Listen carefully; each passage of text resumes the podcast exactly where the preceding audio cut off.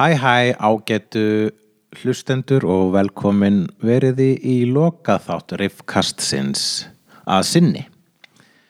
Mitt nafn er Hugleikur Dagsson og ég hef verið þeirrar gæfu aðnjótandi að spjalla við gesti sem hafa vægast sagt veitt mér og vonandi ykkur insýn og innblástur hvað varðar töfra heim kvikmyndana Það þarf alla að kynna næsta gest er eitthvað sem maður segir þegar maður kynir gestin samt því það þarf actually að kynna næsta gest svo þið viti hver næsti gestur er en einhver síður þarf valla að kynna hann en það er engin annar en Páll Óskar Hjálmtísson hann er líklega ástriðu fullasti kvikmynda áhuga maður landsins og ég skal segja ykkur það að kvikmyndasafnið hans er fyrir mér merkilegra en eh, þjóðmennasafnið og reðarsafnið samanlagt með fullri virðingu fyrir minnjum og reðum.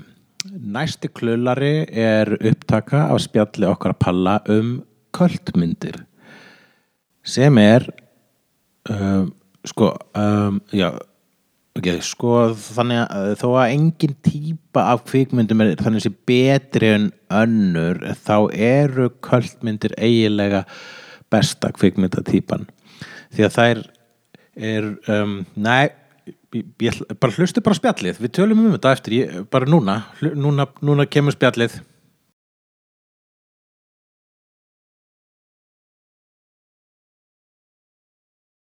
Jari, jari, ég, já. Uh, Páll Óskar Hjáldinsson, Sísí, við erum byrjar að taka upp. æði. Og uh, þú hefur verið að glápa á vídeo síðan hvenar? Síðan bara Vaffháðs videotöki komin á heimil mitt 1984. 8, 10 og 4. En það er ekki satt, fyrir að ég var byrjaður löngu fyrir að horfa á kveipindir heima hjá mér af super 8mm filmum. Já, Það byrjaði 1975. 1970, hvað þú gammal þá? 5. Varstu 5 ára að, að horfa Super 8? Consciously að horfa á bíómyndir því mér langaði að horfa á ákveðnar bíómyndir. Ég vildi sjá Mjallkvíti aftur, Bamba aftur, Línu Langsokk aftur, uh, strax kom með smekk, strax kom með attitude, vissi hvað var gott og vond. Það sama gerðist með tónlist, veist, ég vissi að ABBA væri gott en mér fannst uh, Knowing Me, Knowing You betra heldur en Mamma Mia. Þú veist, strax byrjaði að pæla. Uh, og strax fann að geta upp bara í rauninni allt sem heitir list. Og það er ég enn að gera en þannig að þetta skal ég segja Já, ég var ekki alveg svona trúaður þegar ég var 6 ára og Duran Duran og VAM stríði var í gangi þá var svona eitt bulli sem var að ganga ringin í heimastofunni í skólanum og spurja fólk hvort það fílaði Duran Duran eða VAM eða spurði reyndu fólk hvað er upp á hljómsveitiðin ég vissi ekki, vissi ekki hvað hljómsveit var. Ég vissi ekki munun á uh, lægi og hljómsveit. Hvað upp á slægið mitt var Star Wars lægið þannig að mitt svar við uh, hvað er upp á hljómsveitiðin var Star Wars Geðveikt svo sem var loophóla vegna þess að það var korki Duran nefn VAM og ég slapp við basmiðar Býtu, En varstu buffaður ef þú sagðir Ef vam? ég sagði vamvíst, ég held að þetta var djúran djúran strákur sko. Vá, Já, hann, eitt, eitt höggja öxlina sko, hann, hann þurfti að ganga allar ringin, hann gæti ekki svona, gæti ekki gengi almenlega í skrokkin á öllum, hann var, hann var upp, upptekinn bulli með dagskrá. Ég hef reyndar aldrei sko búlíjað bíómyndum og prángað bíómyndum inn á fólk gegn vilja þeirra Nei. en eitt al skemmtilegasta jobb sem að ég hef starfað í lífi mínu var á aðalvídeolegun á Klappastík. Ég reyndar byrjaði, hann hörður Ímir Einarsson stopnar þessa vídeolegu á njálskutunni uh, er ennþá hérna Yggdrasill búðin hérna á njálskutunni Er það ekki? uh, hún er kannski hérna ennþá, þar vorum við, þar byrjaði aðalvídeolegan í því rými. Og síðan færðist þetta yfir á aðalvídeolegan á Klappastík, þar er hún enn þann dag í dag. Uh, og það al, al skemmtilegasta sem ég gerði var að rétta fólki ákveðna bíómyndir sem ég fílaði. Já. og horfa svo upp á andlitin á þeim þegar þú kom að skila vídeospornum daginn eftir. Yes. Ég rétti fólki Russ Meyer og Dario Argento og John Waters. Svona eða það var svolítið óákveðið. Emmett, já, bara meistarana, bara hinn heilaga þrenning. já, já. og e, og mikið rosalegt kikk fekk ég út á þessu. Og þe- þetta voru dásamleg ár þannig á aðalítjaröfni Þetta- þá var mjög erfitt að verða sér út um ákveðna bíómyndir. Þetta var alltaf Emmitt, betur hvena var þetta? ég er að vinna þarna frá svona 89 til 91 cirka og ofsalega erfitt að finna góð eintök góðar kópjur af ákveðna bíómyndum. Mun erfiðara að finna ókliftar útgáfur af svona mest djúsistöfunu myndir voru rít skoðaðar í klessu og gefnar þannig út. Og uh, þannig að þetta var svona sport, þetta var svo spennó sko Þær voru rítskoðar á þessum tíma. Er við talum þá video Nastís Sko bæði vídeo nastís en líka myndir eins og Pink Flamingos. Já, jú, ég sá rítskoða útgáfa henni fyrst. Já, hún var gefin út þannig í Breitlandi pælti því og að klippa út allt, allt Já, all man- the moments of truth. Ég man að hundaskýtsatrið var sko, það var sínt í svona still stop motion. Já, Já. það var skrítið þetta var alveg off. En núna, í dag ég heimsæki stundum þessar bíómyndir aftur. Já, og mér finnst það indislegt að það er verið að taka alla þessa klassík underground klassíkina myndir sem að voru ég bara ekkert síndar í bíó hérna á Íslandi í den. Og, e, og, og það er verið að gera þetta allt saman svo flott alveg bara 4K, Blu-ray presentation, aukaefni og æðislega flottar pakningar, æðislegt fyrir safnara. Og speaking of which, núna um daginn var það Pink Flamingos 50 ára gömul. Hún kom út einmitt eh, 1972 þannig að Criterion er nýbúið að gefa út Pink Flamingos og ég rúlaði henni aftur í gegn núna heima hjá mér á sunnudaginn síðasta e, með vinkonum minni sem er á svipum aldrei og ég síni hennar sem er 23 ára og einum vini mínu sem er 27 ára. Ok Þetta er svo gaman að skoða, nú erum við að tala um þú veist, hvað er köld og hvað er klassík. Hvar morfast þetta saman? Hvar skarast þetta? Uh, Vinkonum mín hafði séð myndin áður bara einu sinni og hún man bara að henni þóttum góð. Já, Hinnir tveir höfðu aldrei séð hana en höfðu heyrt af henni. Hundaskýtsatriðið er þarna in all its 4K glory núna. finnur, sko, bara ef það væri scratch og sniff card með þeirra mynd, sko Yes. Og viðbrögð strákana voru áþreifanleg Já, og, og þetta er 50 ára guðum mynd. Hún kikkar enn. Já, og við, við sko lifum á post sko Jackass tímum líka þannig að þú veist þetta, maður mað hefði haldið að það væri bara normalísað þetta en samt, þetta, þetta sparkar ennþá Ennþá. Og sko, klassík, skilur í ströngustu merkingu þess orðs, íslenska þýðingin og því er sígilt, skilur, eitthvað sem á alltaf við, eitthvað sem hefur alltaf sömu áhrif Já. á hlustandan eða áhórandan. Uh, Wolfgang Amadeus Mozart er klassík að því þú getur ekki hana en trippað yfir þessari tónlist Já. þegar þú heyrir hana og þú fríkar enn meira út þegar, þegar þú gerir geim fyrir hvað hann er ungur þegar hann semur þetta Einmitt.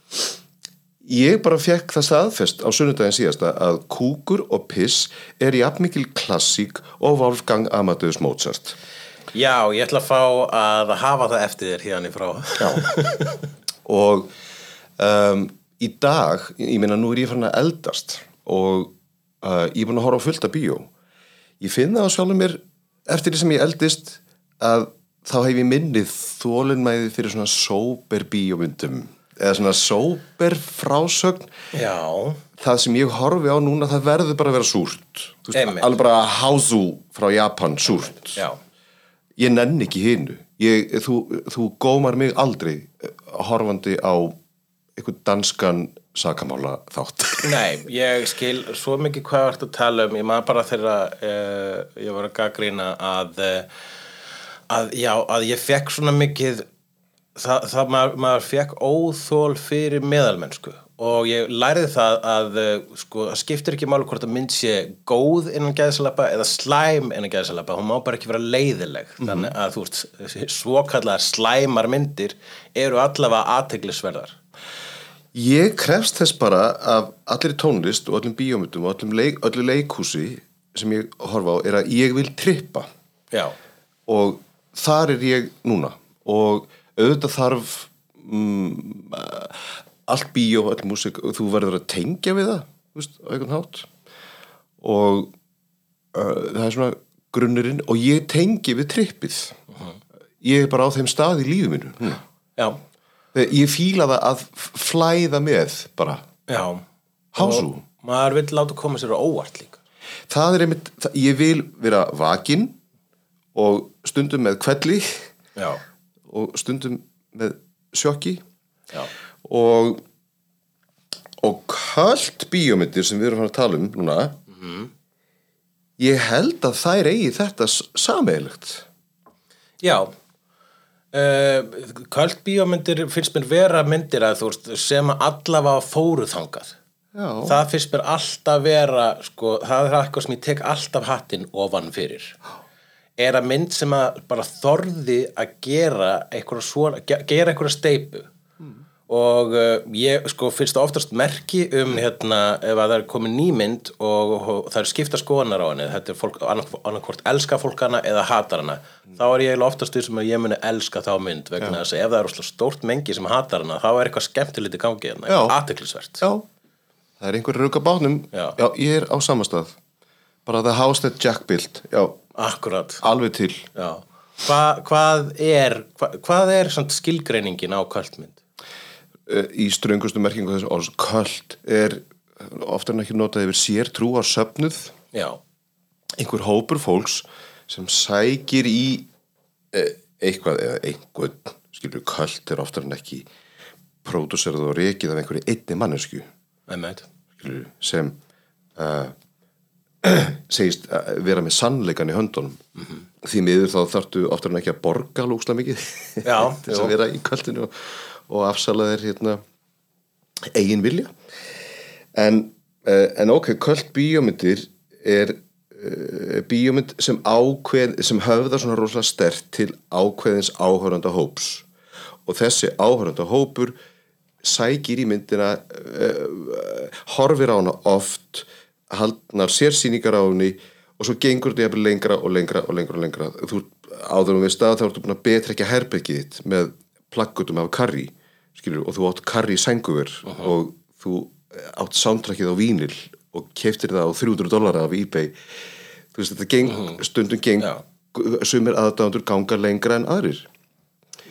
Og þetta er svona ægi einfaldast að skilgjörningin á köldi Þú veist, eitthvað sem höfðar svaklega stert til og úrverða næstu í trúabröð Já, einmitt og kannski bara einmitt svona sterk trúabröð vegna þess að maður að upphefja eitthvað sem að uh, sló ekki gegn á sínum tíma allavega þegar kom. Það er gjarnan þannig að það er mynd sem einmitt kannski floppaði í bíó en rís síðan eitthvað nú úr öskunni þökk sé þessa strángtrúaða fólks. skýrasta dæmið um köld, klísu kendasta dæmið er Rocky Horror Picture Show konsept sem kemur frá London úr undergroundi frá fólki sem hefði engin völd neitt, hvorki í söngleiki heiminum og hvað þá bíumönda heiminum ekki, uh, outcasts. Uh, þau eru svo hugrökk að gera hana söngleik í London 1973 þegar það var fucking ólöglegt að vera gay. Já, það var hægt að handtaka þig út á götu. Einmitt. ef grunur léki á að þú væri kynvilligur og þau gerir þetta. Og þau reynda dulbúið þetta sem hryllingssjó þú veist, Rocky Horror Show er langt frá því að vera eitthvað gay og þeir sem lítu kannski gay liðið farið töðan á sér voru sáttir við að það væri hryllingssjó um eitthvað um jú. þannig að þetta slapp. En uh, svo er gerð bíómynd og þá er söngleikurinn búin að rúlla þú veist eru 2000 sinnum með sér í LA og held ég New York líka.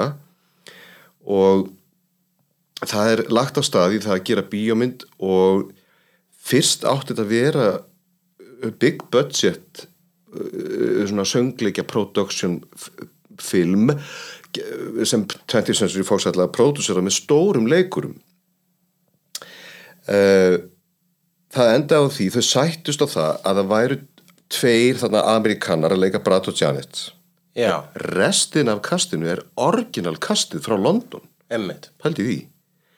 Og það er þess vegna sem myndin er gerð low budget svo svagalega low budget að það var ekki eins og þú veist, opn á settinu. Susan, Susan Sarandon einmitt sagði þetta var. Þetta Þau- voru öll með grílu kerti í nefn að taka þessa mynd sko viðbjóslega erfitt að vera blöyt og köld á settinu næst í allan tíman Tim Curry var í upp, upprunalega kastinu þá. Já, allt þetta fólk.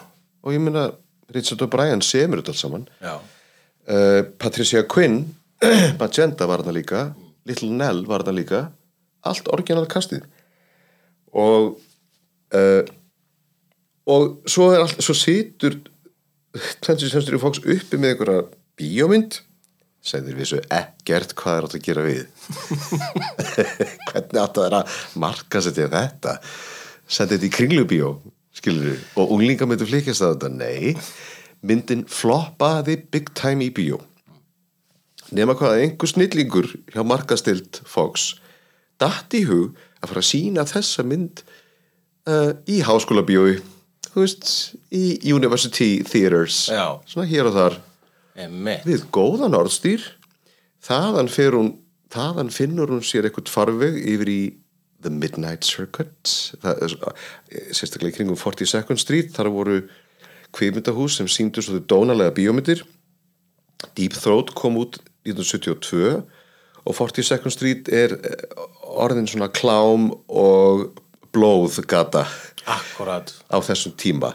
Slísi bíómyndir sem fengust aldrei síndar í sjónvarpi voru síndar þarna. Rocky Horror byrjar þarna. Sínd alltaf í kringum miðnætti og smán saman mætir liðið. Smán saman fyrir liðið að dressa sig upp. Já, mætir aftur og aftur. Eh, það sama gerist eh, fyrir bíómyndir eins og Eraserhead David Lynch eh, El Topo eftir Alejandro Jodorowsky uh, og, og fleiri myndir úr þeim ranni. Og uh, Rocky Horror er sem sagt, ég, ég er að tala um skýrasta skólabókar dæmið um köld. Eitthvað sem verður til úr engu uh, samið og, og, og gert af fólki sem hefur engin völd og engin ítök. Já, einmitt, er ekki líka bara eiginlega alltaf þegar maður flettur upp kvöld á skilgunum kvöldu, þá er minnst fyrst á Rocky Horror. Jú. uh, er það ekki bara vegna þess að hún hefur verið svo fyrsta sem við verið kölluð fyrsta mynd sem var kölluð, köldmynd út frá skilgrunningu vegna þess að kvöldið var svo skýrt? Er það ekki bara? Sko það kemur út bók, það kom út tvær bækur þetta kringum 1981-82 uh, önnur þeirra hétt einfallega Splatter Movies og þaðan kom orðið Splatter já, og svo kom út önnur bók sem hétt Cult Movies. Uh, út frá Cult Movies bókinni er skrifið önnur bók sem heitir Camp Films. Já.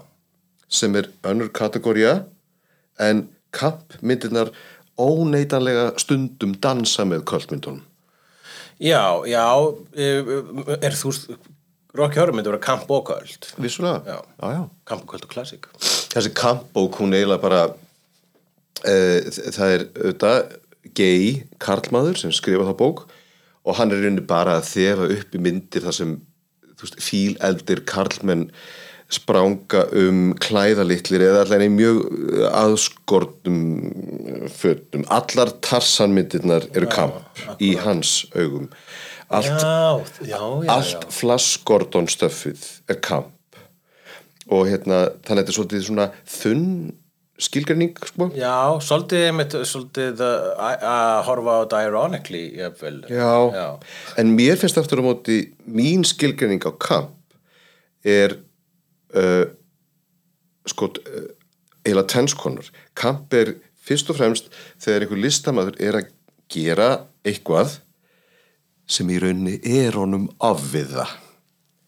En, þessi, en þessi listamaður er þess full viss um að hann sé að gera tímalaust mistaraverk Aha, það er Ed Wood og hérna, þetta er allt saman homemade og, og þau eru að gera sín listaverk alveg fullviss um eigið ágæti.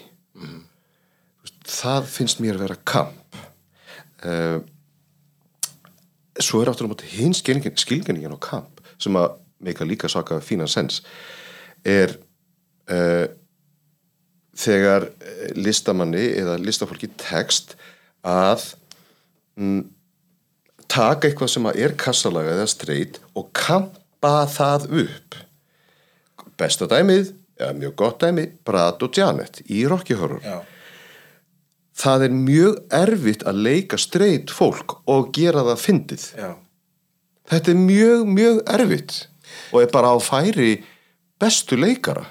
Og ég var að horfa á Klú um daginn sem Tim Curry mitt leikur í líka. Klú bíómyndin sem er byggð á samnefndum uh, samnefndu spili, Já, borðspili voru ekki sex mismunandi endir á þeirra mynd jú, jú, þetta var Blu-ray, allir endinni voru. Yes. já, já. og þar eru bæði streit konur og streit kallmenn að leika of stórt. Já. og þetta eru líka briljant grínleikonu þetta er Madeleine Kahn og þú veist, hún Leslie Ann Down og svona. Og þær eru, þar eru í þessari mynd eru öll viðbrögð allra við öllu too much. Já, já. og þe- þetta er mín skilgrinning á kamp uh, Mommy Dearest með Faye Dunaway. Mynd. er súperdæmi um kamp.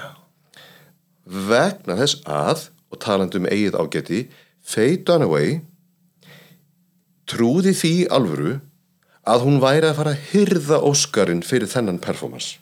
Emmett. þetta var deadly serious bíómynd.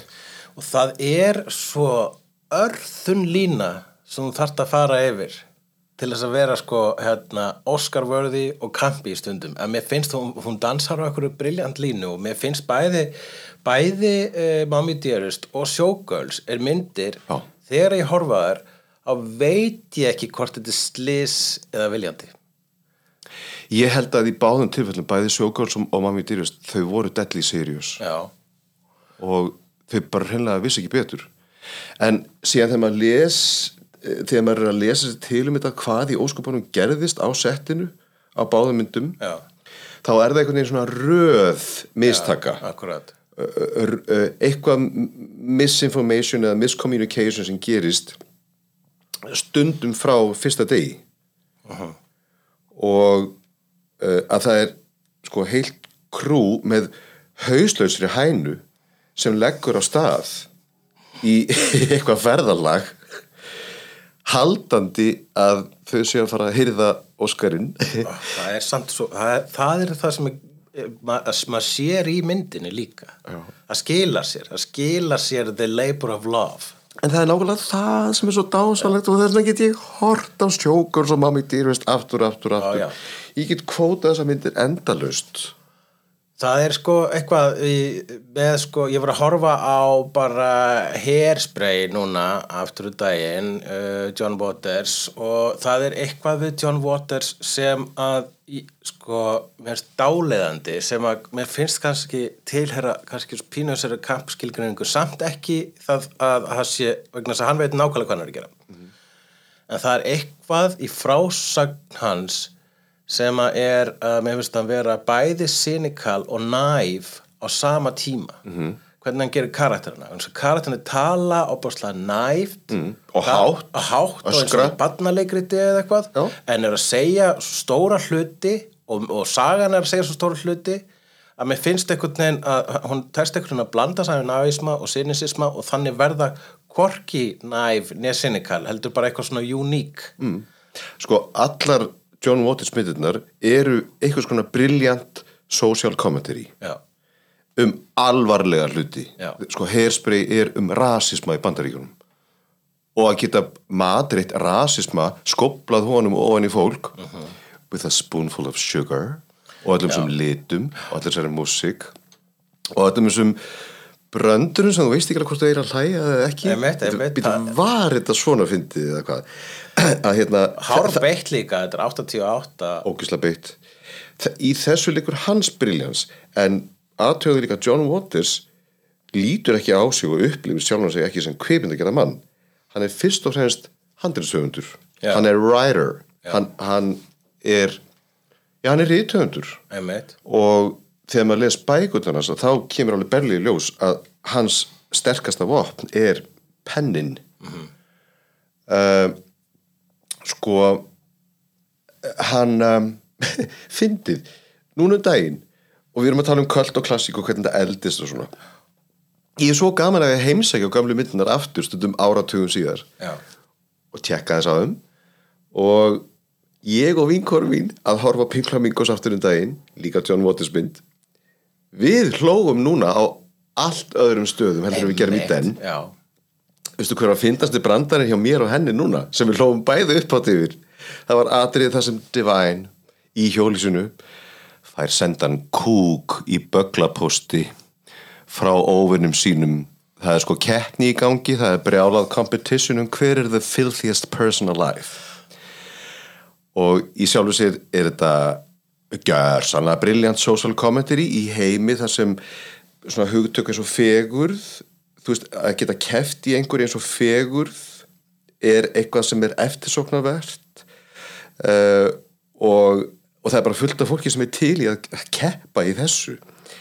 Hvað ef við tökum svona koncept eins og viðbjóð eða filth? Hvernig verðum við að keppa í því og að það verði eftirsóknarvert Pink Flamingos er um nákvæmlega þetta. Þetta er um fólk sem þráir ekkert heitara en að verða the filthiest person alive. Og þau gera allt sem í þeirra valdi stendur til þess að ná þessum titli.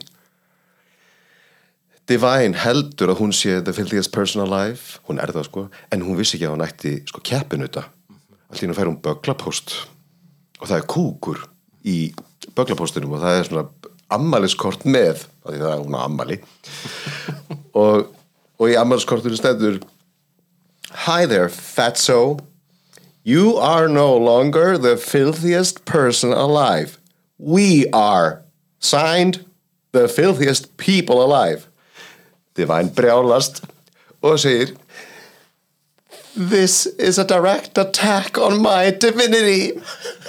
og ég og vinkora mín sprungum úr hlátina því að núna 50 árum síðar þá höfum við heyrt þennan frasa svo ógisla oft í allri feminista baráttunni þú veist, í allri baráttu allra þú veist, hversu oft við ekki heyrt fólk byrja allar setningar á því að, að þau segja this is a direct attack on my punktur, punktur, punktur og við brjáluðast hlátunni þannig að ég segi Flamingos er klassík út af einmitt þessu. Hún á sitt eigi líf. Hún uh, morfast inn í líf okkar þú veist á mismunandi hátt eftir í hvernig við horfum á hana og er alltaf áhrifarík. Klassík Let's all go to the lobby. Let's all go to the lobby. Góðar hlustendur, hér sé hlje.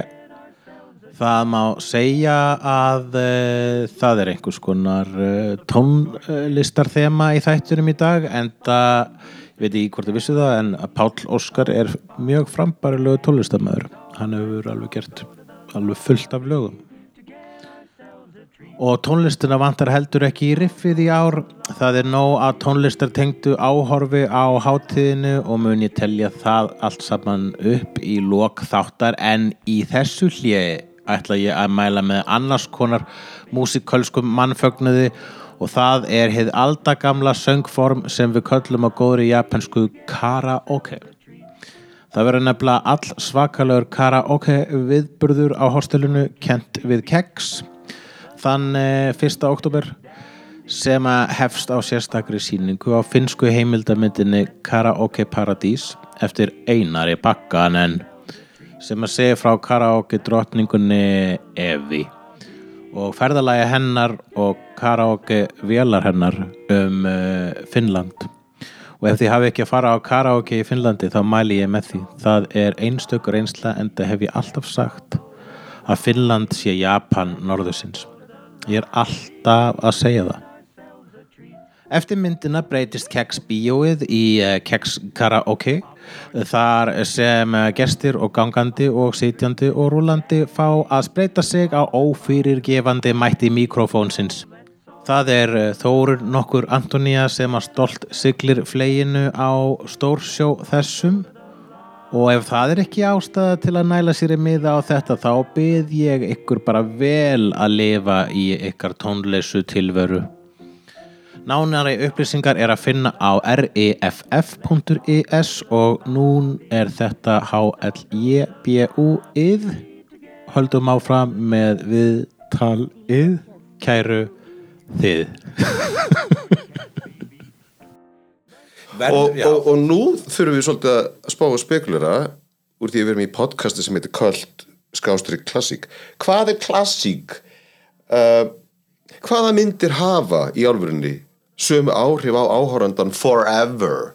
King Kong 1933 já veist Citizen Kane. Einmitt, Vertigo, Hitchcock. Jaws og Star Wars.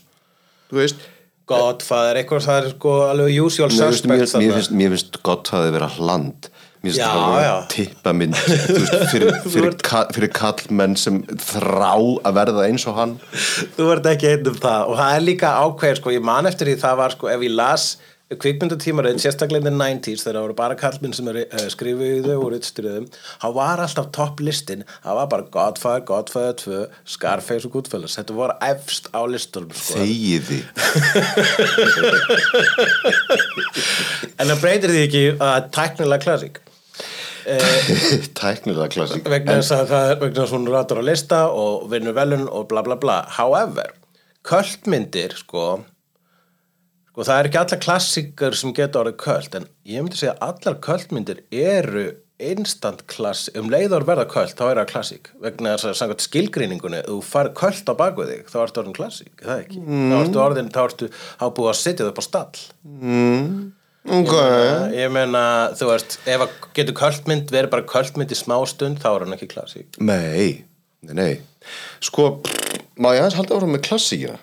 Verður ekki klassíkin að uh, sko fyrst og næst hafa áhrif hún verður að virka og er ekki klassík. Verður hún ekki að vera sko, þrekvirki síns tíma? Eins og Metropolis eða Mjallkvít og dörgarnir sjö er þrekvirki í.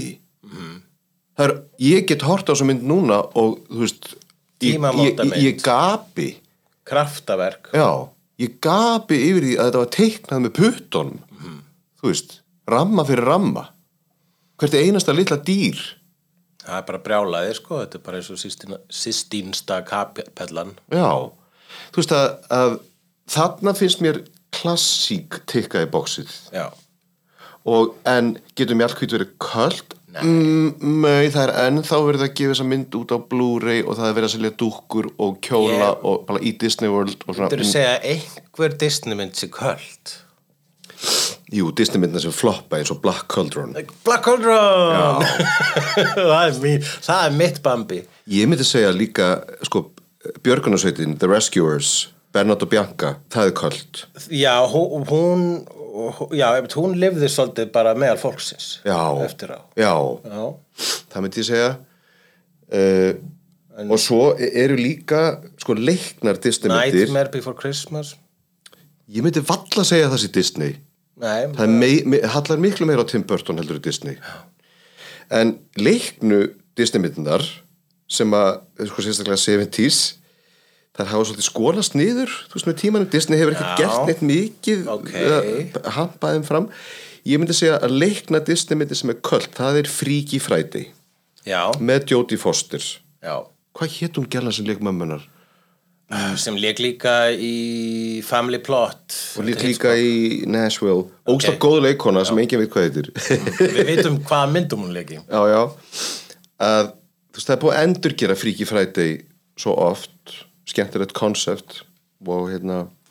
Þannig að já, það getur verið köð já, já, já. Ég, hérna, það er einmitt þessa leiknu mannst eftir, manst eftir uh, Blackbeard's Ghost ég sá hann aldrei. Sást hann aldrei, það var uppáhalds leikna Disney myndin mín sko. Ok, ég tekkaði hann aftur á Disney Plus. Já. Og já Peter Ustinov en geta síðan sko heilu listamerindir orðið köld?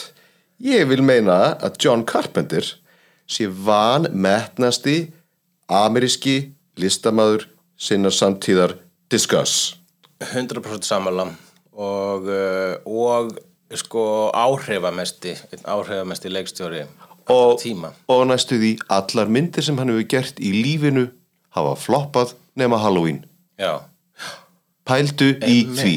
já, og hann á allan þennan katalóg af myndum sem eru kom, komnar meira sér inn í veist, fólk, er með, fólk er með they live hatta og obey hætta hatta og, og bóli já, og, og talandi um social commentary þú veist, they live er harðasta social commentary bara sem ég veit um.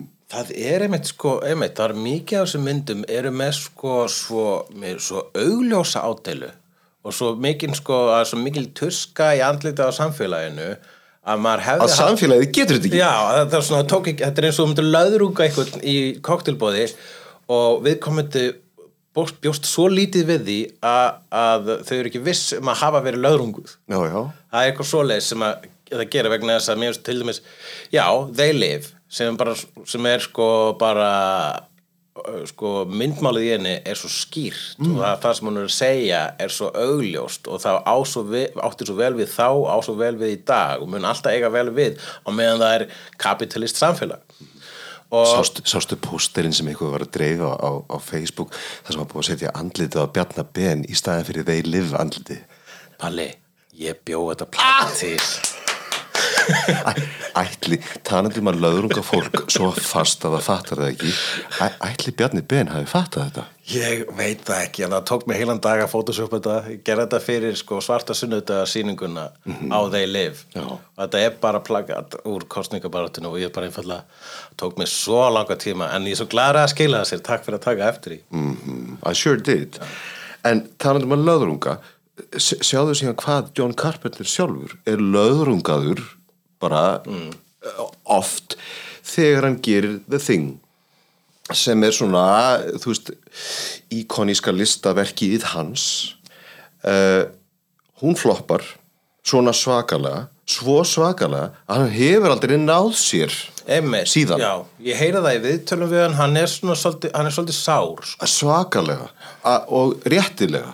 Hann bara má það en það er ræðir að horfa upp á það hvað þessi ógeðslega höfnun sem hann upplifir í, í kjölfarðið þing bara dregur úr honum ákveðin mátt en hann nær samt að gera snildarverk eins og The Thing eftir á.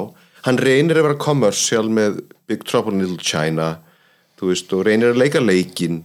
Já, emmitt, veist, en er alltaf bestur þegar hann er að gera eitthvað bara í eigin mætti. Og og en kannski The Thing floppar sko eins og sagan segir hún floppar einfallega út af helvitis E.T. Já, Steven. Spielberg gerir E.T. eiginlega á nákvæmlega saman tíma og ég held að það hafi liðið tvær vikur á milli útgáfudags þannig að á meðan allur heimurinn var að fara í kringlubíó að horfa á góðu gemveruna þá hafði enginn áhuga því að fara í bíó að horfa á vondu nast í gemveruna Nei. það rann ekki ljúlega niður sko uh, og hræðilegt sko. En, en þarna er big budget bíómynd ítt niður í svaðið ítt niður í undergroundið og þar verður hún köld. Já. Veistu, er, er þetta ekki indislegt? Jú, akkurat, það er svona líka við að maður sko maður spesir hvort að kvöldi muni þrýfast best í eitthvað skona mótlæti mm. ef að allir eru ef að, ef að, að þeir leif myndu koma og allir, allir myndu segja já, nákvæmlega og hún myndi fá góða dóma allstæður og myndi slá í gegn þá, hugsa maður sem svo kannski að hún hefði elst verri eða eitthvað neginn að það, kannski, ég, það sem ég reyna að velta fyrir mér hérna upp á þetta er hvort að þjóni þjóni kvöldmynd að vera smá út úr skúið eða þú veist, hún yrði ekkit kvöld mm. Ef að myndi ekki slá ekki segn skadar ekki neitt sko. Nákvæmlega. En hvað með hérna uh, sko risamyndir og blockbustera uh, sem lifa góðu lífi? Er ykkur dæmum köld blockbustera? Sko, ég, sko, segja, ég þegar að Mad Max Fury Road var tilnæmt til Óskarsvæluna þá leiði mér pínu eins og uppáls pönkljómsýtu mín var að fá Grammy-velun Já. Ég fekk svona, ha, já, nei, nei, nei þetta er svona Þetta er mitt. Já, einmitt. Fa, Farið því Já, ha, nei, nei, nei, nei, nei. Ég, ég fannst ég spes að fíla þetta. Já. En uh, ég hugsa sko ef að hún hefði komað að öðrum, þú veist, ég, en hún hafði náttúrulega bakland og fjóruða Mad Max myndin. Og, og að hafði fengið að blómstra sem kvöld þannig að til dæmis uh, Já, ég hugsa að ef eitthvað slær strax í gegn og, og tala til allra mm. en hefur samt allt brunns að bera er með sama attitude og dæmikjör kvöldmynd mm. það er góð spurning sko, hvort að, hvort að hún þurfi að, einmitt, hún þurfi að vera pínu einheltispann til þess að verða kvöldari sko. En veistu, sko, nú voru matmags sérstaklega 1 og 2 eins og ég kalla þér þær voru svona einheltisbönn og hérna og þegar Óskarinn bankaði upp á út af Fury Road þá fannst mér pínu eins og það væri verið að blikka hinar þrjár Já, þetta undan. einmitt. að það er verið að veita þessum snillingi bara verðlaun fyrir velunnin störf. Akkúrat. að því ég er búin að horfa á Matmax 1 og 2 núna nýlega, ég kefti þær aftur á Blu-ray. Ég segi tímalaus snildaverk já, sem brutu blað. Akkurat. Og í raunni eru blúprintið af því hvernig við uh, gerum aksjónmyndir og horfum á aksjónmyndir í dag. Já, já, Djöfull, og, og það er sko kjöt og bein í þessum myndum ekkert helvítis CGI og Það þú finnur, vikt, þú finnur viktina og þyngdina í hverjum einasta bíl sem klessir á annan bíl og annan vegg eða eitthvað. Búið að Ógeðslega gera flott. CGI sko actionmyndir núna síðustu 20 ár svo kemur hérna, maður sko á, á barmi ellilíferis og gerir bestu actionmynd sem við gerðum á þessari öld. Það fannst mér alveg storkuslegt og ekki nú með það, ég var að tala um að ég hérna, verð að fá að trippa ég nenni ekki sópermyndum sko. Mér fannst Road nefnilega að vera loksins kom bíómynd sem er eins og draumur. Já, ég sá hann í þrývít í heimahúsi. Og hérna og ég rangaði við mér eftir á og, og daginn eftir þá hérna leiði mér eins og ég hm, eins og mér við dreymt draum, ég var í einhverjum brjáluðum bíl að keiri einhverju eyðumörk og síðan hitti ég einhverja fjóra, fimm konur hvítklæta konur sem voru óléttar. Þetta er eins og er eins og að segja frá draum. Þetta er trippi sko. og einmitt, ég fer á hana alltaf ef hún er, ef hún er eitthvað starf í bíó þá fer ég á hana. Já. bara vegna þess að maður sér aldrei eftir því. Sko, en uh, uh, svo eru kannski ákveðinir leikstjóra líka eins og við erum að tala um John Carpenter uh, David Lynch það eru töffarar þarna úti veist, og meir segja Quentin Tarantino. Allir Quentin Tarantino verði köld? Ah. Ég meina uh, fór ekki það fóru, það voru allir að tala um Pulp Fiction þegar hún kom. Hún var bara, hún var sko allir í mínum bekk í mentaskóla voru að tala um Pulp Fiction. Mm. það, ég myndi segja sko að Reservoir Dogs er að nálaðast þessi kemst sko köld sagvægt svona skilgreiningu samkvæmt skilgreiningunni. Og Quentin Tarantino er núna svona æðsti presturinn í þessum söfnuði Já. í sínum söfnuði. Já.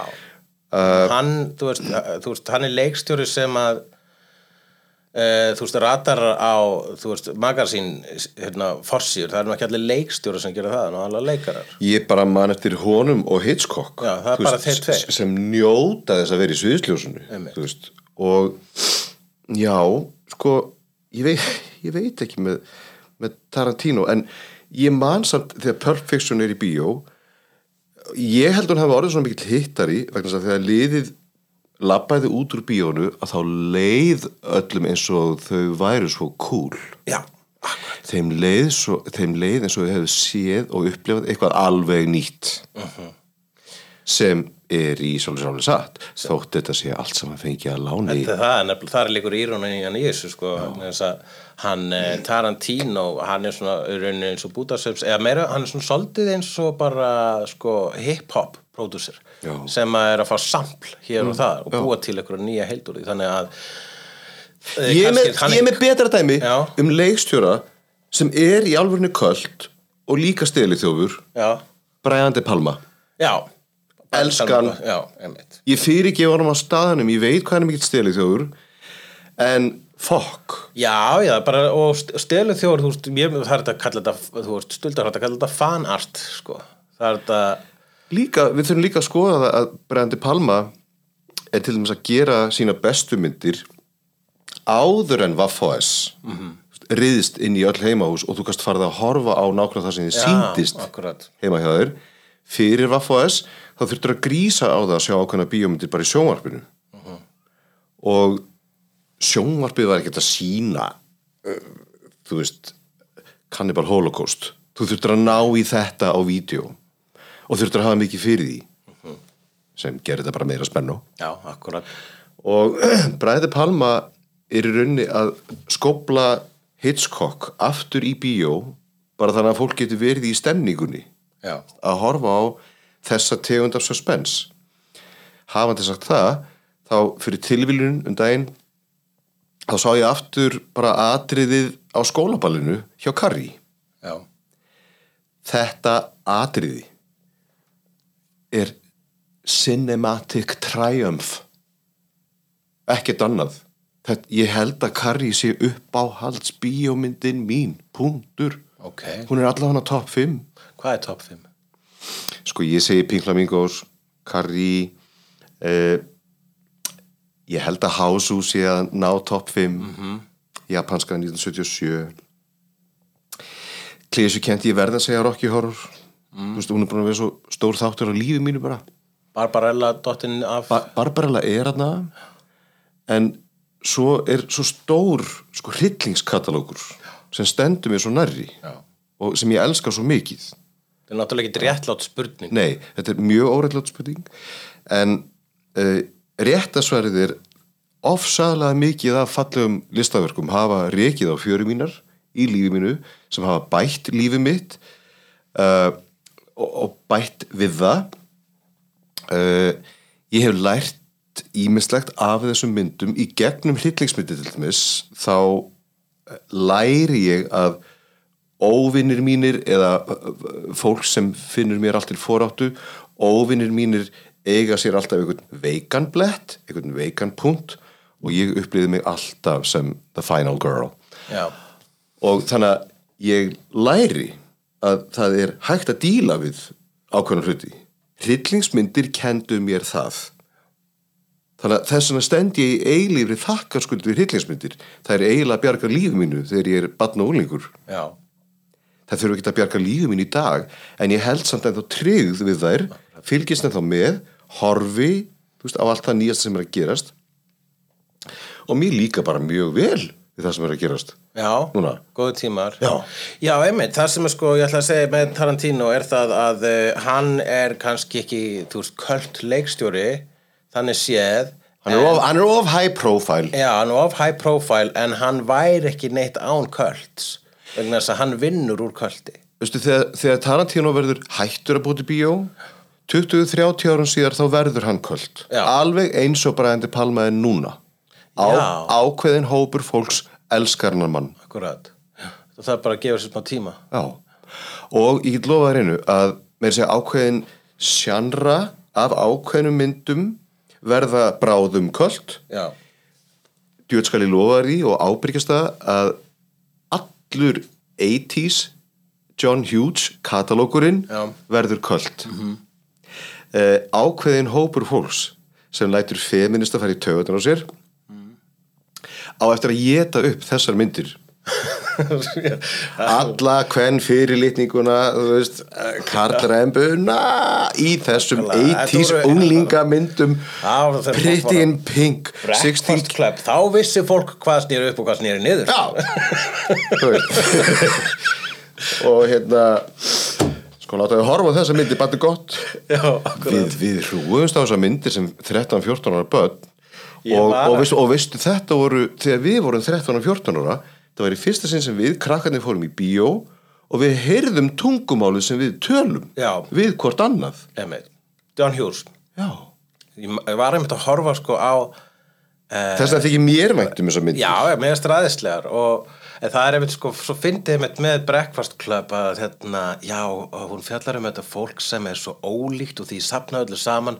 Þessir ólíku mismunandi einstaklingar sem tákna allir eitt, einhverja einn jáðarhóp og svo horfir á þetta í dag og bara Þau eru öll, hvít, þau eru öll mjó Pöngarastelpan breytist í góða stelpu og, og, hérna, og verður pretty in pink Þau eru öll straight. Þegiði Og uh, þetta er ko- kostulegt auðvitað að horfa á þetta í dag uh, En uh, Ég get lofa því að þetta verður kvöld for all the, Já, wrong, já. for all the wrong reasons. Og það er líka oft það er ekki hægt að gera svona myndir í dag.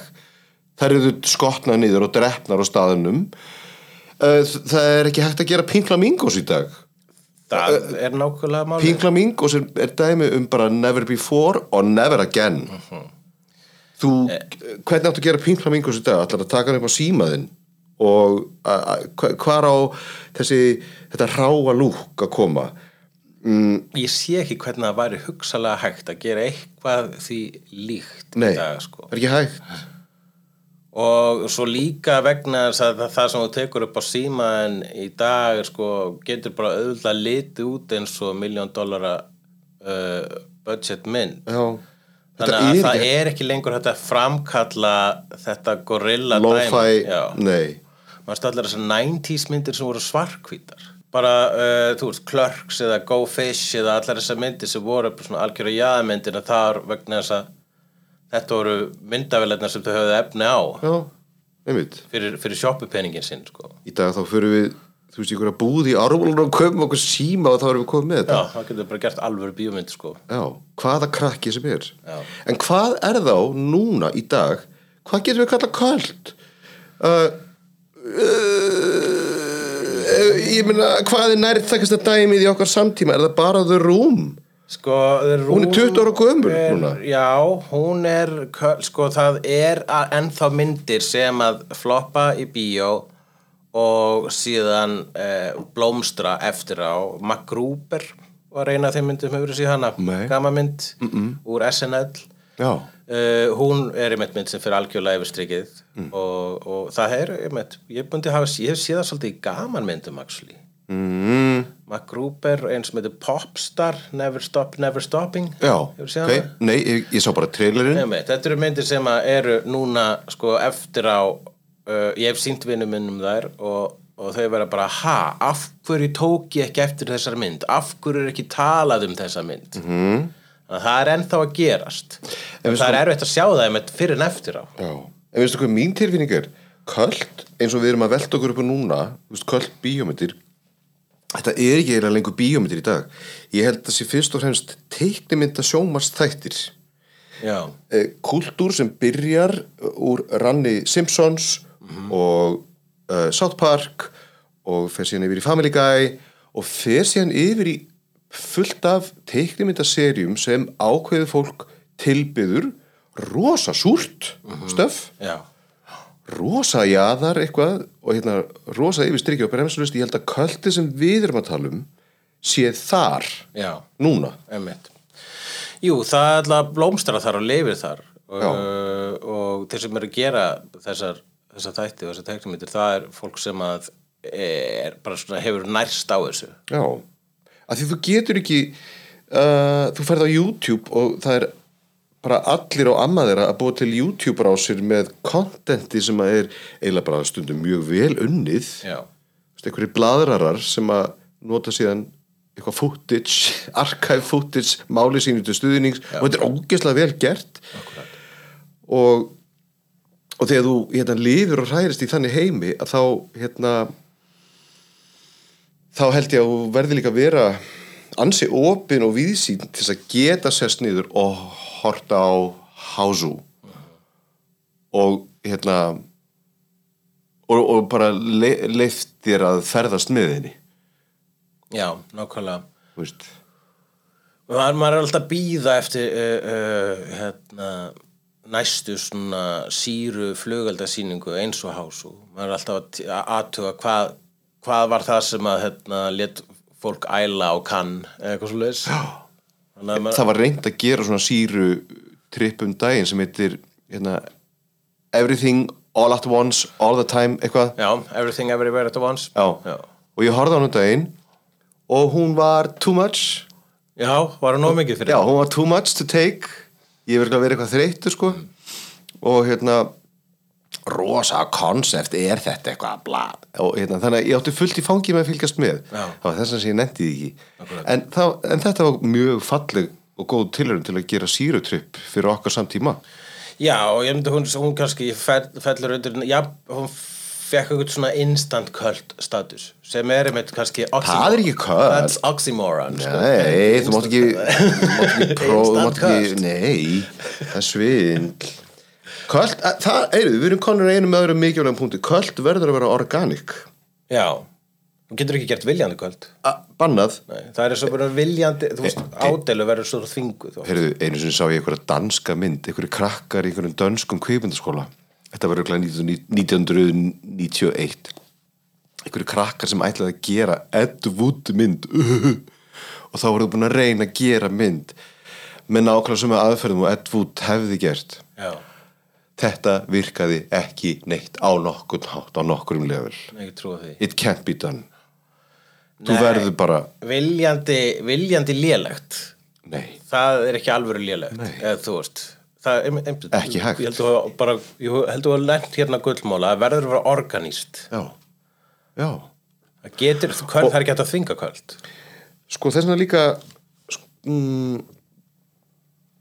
þú sérð að köld, organist köld verður til og kemur ofta ekki frá fólki sem eru def, sem er underground, sem er kannski jáðasett, allan hefur engin völd. Köld kemur aldrei frá feita kallinu með vindilinn sem á kvikmynda verið Nei, aldrei. Hann getur það ekki. Feiti kallið með vindil, vindilinn er maðurinn sem að sko hefur eitthvað trú á kvöldaranum Nei, bara skil, eftir öxtum og skilur þetta ekki. Skilur þetta ekki, sko í besta falli situr uppi með það og veit ekki hvað hann að gera með það. Mhm. en í versta falli er það svo sem vísar kvöldaranum á dyrna sko. Ég hérna fyndið. Ég er með svona bækur og blöð eitthvað málum í til stuðnings og hvað erum við búin að bladra lengi núna? Við erum búin að bladra alveg nógu lengi Palli sko. Jú, ég held að sé ekki takt að fara sko við það væri líka svolítið, sko, ég myndi segja líka að væri svolítið gegn hugtakinu kvöld um við komumst að einhverju almennilegri niðurstöðu um hvað það er Nei, nei. en ég held að þú hafa verið orðað alveg rosalega með því að kalla það organist vegna þess að það verður að vera óvart það verður að vera uh, e, það, það er eitthvað sem að uh, verður ekki bara, það er ekki tilninn það, er- það er formúlu löst og það eru uník þessa myndir sko. Þær eru eiginlega allar never, be, never, never before og never again. Og uh, ég held að sé allt í lagi að- enda þetta podcast á því að hérna, skottast yfir nokkra myndir sem ég mæli með því að fólk kíki á. Og uh, þú veist, fólk verður að, að sjá Eraserhead og Reepoman uh, fólk verður að kíkja á John Carpenter bara katalógin, myndi ég að segja. Uh, kíkja á John Waters katalógin, David Lynch katalógin uh, þetta er væntilega fólk sem er búið að sjá Quentin Tarantino katalógin Já, hann er svo mainstream. Já, kíkið á bara endur Palma. Kíkið á, ég meina Scarface uh, floppar harkalega og kemst síðan smán saman inn í almannarímið.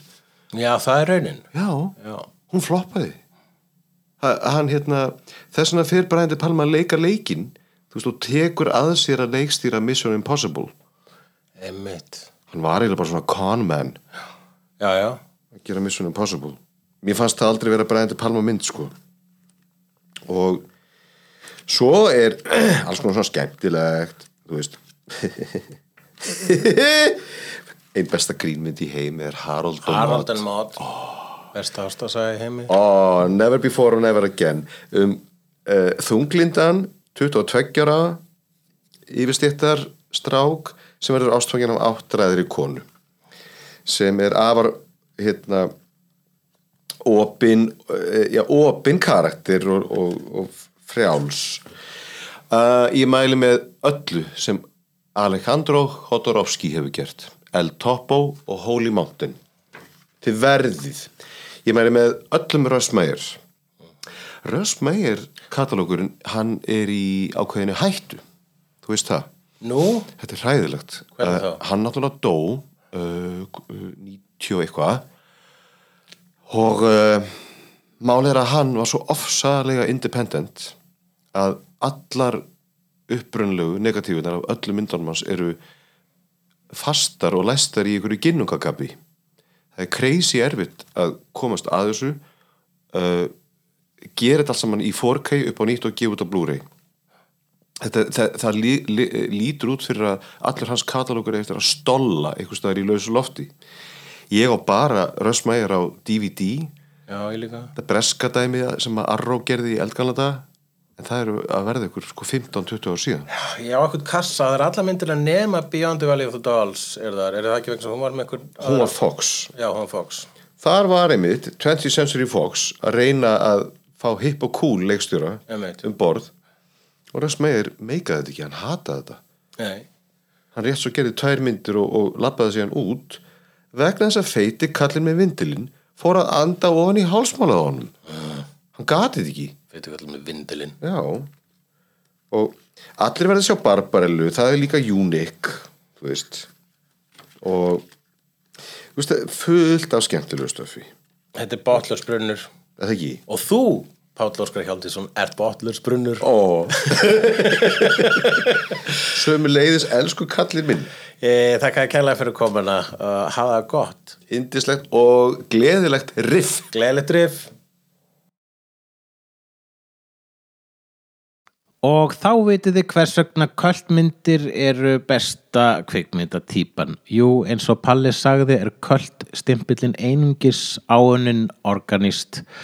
Það er að segja aðeins tíminn og fólkið geta ákveðið í undir meðvitaðri sammenningu hvaða myndir fá engöngu í kvöldið og þannig er þetta í raun fullkomnara líðræði en sá farsi sem við köllum líðræði í dag og ég stend við þau orð. En eins og ég slefaði út úr mér í hlénu þá er nóg að tónlistar tengdu efni á riff í ár, réttar að sagt uh, heimildaefni. Og hér kemur upptalning í dráttum gróari en eh, Pink Flamingos. Það er uh, Meet Me in the Bathroom eftir Dylan Southern sem er heimildamind sem segir frá sukkaðri underground tónlistarhreyfingu á lægri austurhluta New York borgar í kringum aldamót.